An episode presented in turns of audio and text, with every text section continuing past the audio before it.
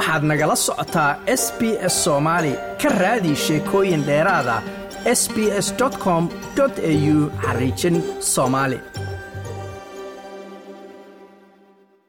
maalinta shalay caalamka waxaa laga xusay maalinta raadiyaha raadiyuhu inkastoo hadda uu markaasi isbeddel ballaaran ku yimid kadib markii baraha bulshadu ay soo bateen weli qaybo adduunka ka mida ayuu muhiimad weyn u leeyahay. Axmed nuur yogol waqti dheer ayuu ka soo shaqaynayay idaacado ku yaalla xeryaha qaxootiga ee kenya. Hadda isagoo ku sugan dalka holland ayaan weydiiyey bal muhiimadda howlahaas uu hayay idaacaddu ay u lahayd waxaanu yiri xasan waad mahadsan tahay sida aad ka dhawaajisay maanta caalamka waxaa laga xusay maalinta raadiyaha adduunka wally radio day. Marka raadiyaha muhiimad fara badan buu u leeyahay bulshada iyadoo markaasi qaabab kala duwan loo isticmaalo sida gaarsiinta fariimaha warbixinada iyo sidoo kale wacyigelinta bulshada. Marka waxaa la odhan karaa raadiyaha kaalin weyn buu ku leeyahay markii loo fiiray dhanka bulshada iyo caalamka oo dhan. Tusaale ahaan markaan u soo laabano dhanka soomaalida waxay ahayd isha keliya ay akhbaaraha ama warbixinada waddanka gudihiisa iyo dibaddiisa ay kala socdaan. Sidoo kaleeto waxaa loo isticmaali jiray in la gaadhsiiya fariimaha dhanka caafimaadka dhanka nabadda. Muddooyinka ugu dambeysa tan iyo burburkii soomaaliya wixii ka dambeeyeyna raadiyuhu door weyn buu ka qaatay isdhexgalka bulshada iyo weliba dhanka nabadaynta. Tusaale ahaan aniga warbaahin kala duwan baan ka soo shaqeeyey haddii ay tahay kuwo maxalli ah iyo weliba sidoo kale kuwo caalami ah. Marka inta badan raadiyaha wuxuu muhiim u yahay bulshada. Tusaale ahaan oo kaleeto waxaa muddooyinkii hore jiray in xilliyada galabtii oo kale ah ama fiidkii oo kale intay bulshadu meel isugu timaado iyagoo markaasi wada fadhiya raadiya dhexdooda ay dhigaan in markaasi warbixinta halkaasi ay ka dhegaystaan. Sidoo kalena ay isweydiiyaan war maanta raadiyahu muxuu sheegay maxaa akhbaar lahayaa marka xasan arrimahaasa marka waxay keenahayaan inuu raadiyaha lafdhabar u yahay islamarkaana uu yahay isha keliya ay dadka akhbaaraha ka helaan. Marka arrimahaasaa keenaya tusaale ahaan oo kaleeto waxaad arkaysaa bulsho kala duwan. Tusaale ahaan oo kale ana sanadihii ugu dambeeya waxaan ka shaqaynay raadiya ka shaqeeya arrimaha bini'aadanimada oo ku yaalla xeryaha qaxootiga ee dhadhaab ee dalka kenya oo aan maamul ahaa raadiyahaasi dhammaanba wuxuu ahaa isha keliya ee bulshada qaxootiga ay ka helaan akhbaaraha. Ayadaha samafalka ee ka howlgala xerooyinka qaxootiga ee dhadhaab hadday tahay caafimaad hadday tahay waxbarasho haddii ay tahay qaybaha kala duwan si toosi ugu marin jiren iyadoo toddobaad kasto jadwallo ku saabsan arrimahaasi aan samayn jira sidoo kalena saraakiil matalayay hay'adaha samafalka imaadaan si ay bulshada qaxootiga fariimaha u gaadhsiiyaan balse waxaad moodaa muddooyinka ugu dambeysay in saamayn baraha bulshada ay yeesheen ood arkayso inta badan wariyaasha markay warbixinada raadiyaha o kale ay qaadaan waa inaad kombyutar la tagto waa inaad dardarto waa inaad wixii isku hagaajiso. Laakiin hadda waxaad moodaa muddooyinkan u dambeysay in baraha bulshada ama social media uu saamayn fara badan uu ku yeesho arkayso wixii ama markaasi dhacdadii markay dhacdo isla markiiba la soo gelinaya baraha bulshada waa garta. Marka axmed nuurow barahaas bulshada oo isbedelay. Waxaan is leeyahay dadka qaxootiga joogoo kale weli telefishinno ama waxaa laga yaabaa inaysan haysan internetkii ay barahaas bulshada ku daawan lahayn marka radiogu weli muhiimadiisii waxba iskama dhimin ma la dhihi karaa xasan haa markii loo firiyo dadka qaxootiga ah boqolkiiba sagaashan iyo shan sagaashan sideed ma awoodaan inay telefishinno haystaan? Qaarkoodna maba awoodaanba ilaa boqolkiiba sideetan in teleefoonadan casriga ay haystaan. Marka taasa waxay keenaysaa inay weli ku tiirsan yihiin raadiyaha. Tusaale ahaan oo kale galabihii oo kale markay warbaahinta afka soomaaliya ku hasha qaarkood ay soo galaan oo kale. Waxaad arkaysaa goobaha maqaaxyaha shaha lagu caba iyagoo si markaasi kokooxa ugu dhegaysanaya tan kaleeto xeryaha qaxootiga dhadhaab oo keliya ma aha.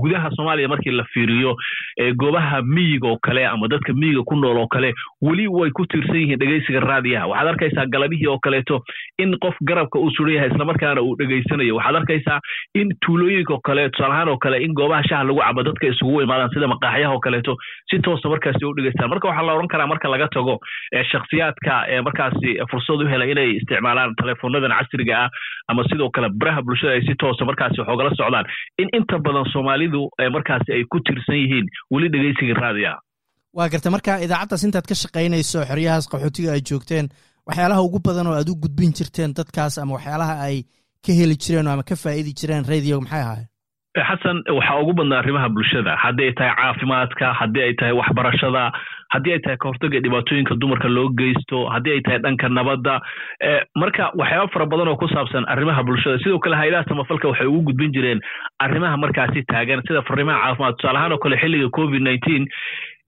meesha keliyay ahayd ee ardayda wax ka baratay iskuullada ku yaalla xeryaha qaxootiga ee dhadhaab ay kala socdaan cashirada macallimiin baa si toos raadiha u imaanahayey macallimiintaasi oo cashiradii iskuulka laga siinaya si toosa u gaarsiinaya ardaydii. Tusaale ahaan oo kale ardayda iyagoo guriga jooga ama kokoox daris ay isu imaanayaan raadi ay dhexdooda dhiganayaan. Sidii macallinkii uu galaaska ku jiro oo kale si toosa cashirada raadiyaha uga dhegaysanayeen sidoo kale fariimo ku saabsan dhanka covid ka dhibaatooyinku leeyahy siyaabaha looga hortago.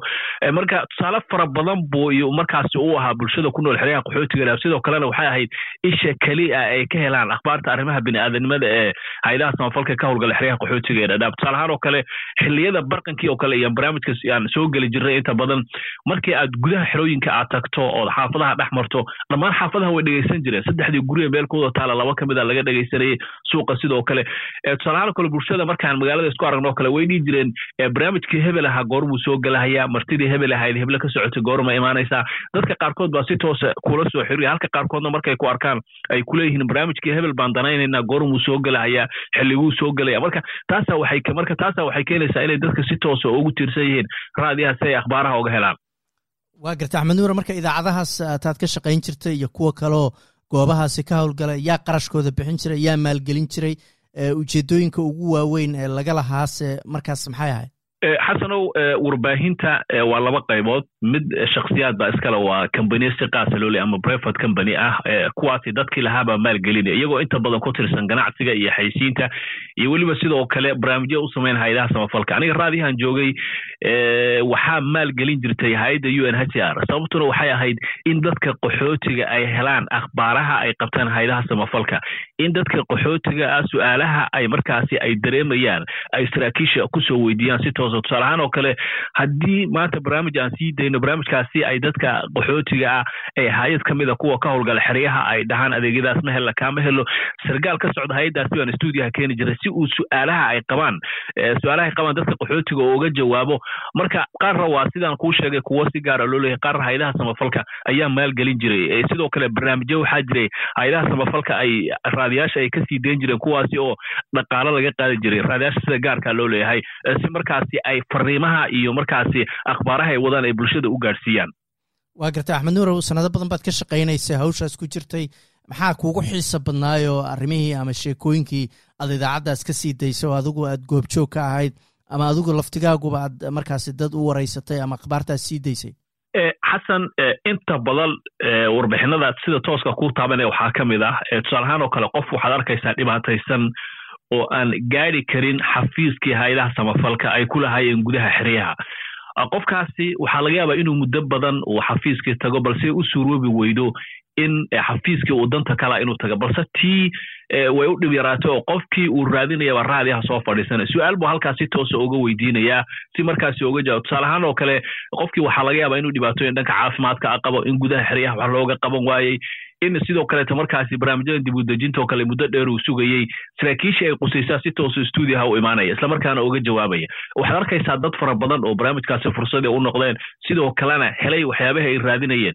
Tusaale ahaan oo kale waxyaabaha noogu muhiimsanaa waxaa ka mid ahaa inaan door ka qaadan jiray ee baafinta. Tusaale ahaan oo kale cunugu markuu gudaha xelooyinka ku dhumo ama qof waayeeloo xanuunsan ama qof madaxa looga jiro halka keliya ay dadka soo tiigsan jireen waxay ahayd raadiyaha markaasi ay dhihi jireen hana looga baafay. Sidoo kale dadka qaxootiga inta badan dukumentiyada kaalasha raashinka lagu qaato waxyaaba fara badan baa ka dhumi jiray. Waxyaaba fara badan markay ka dhumaan halka keliya u sahli jirtay in ilaah ka sokow inay helaan waxyaabihii waxay ka mid ahayd raadiya marka qisooyin waxaa jira qof waxaad arkaysaa muddo fara badan xanuunsanaa ama muddo fara badan dhibaataysnaa balse u suuroobi weyday balse markii sargaalkii iyo hay'addii ay qusaystay stuudiyaha imaadeen arrintii si toosa wax loogala qabtay islamarkaana ku guulaystay waa garta axmed nuurow xeryaha qaxootiga baad laftigaagu ama aggaasaad ku noolayd waad ka shaqaynaysay boqolaal kun oo soomaali iyo afrikaan kale oo xeryahaas ku sugnaa dibadaha loo qaaday. Qaar badan oo jooga weli waxay rabaan inay dibadaha iyo dalalka reer galbeedka u dhoofaan.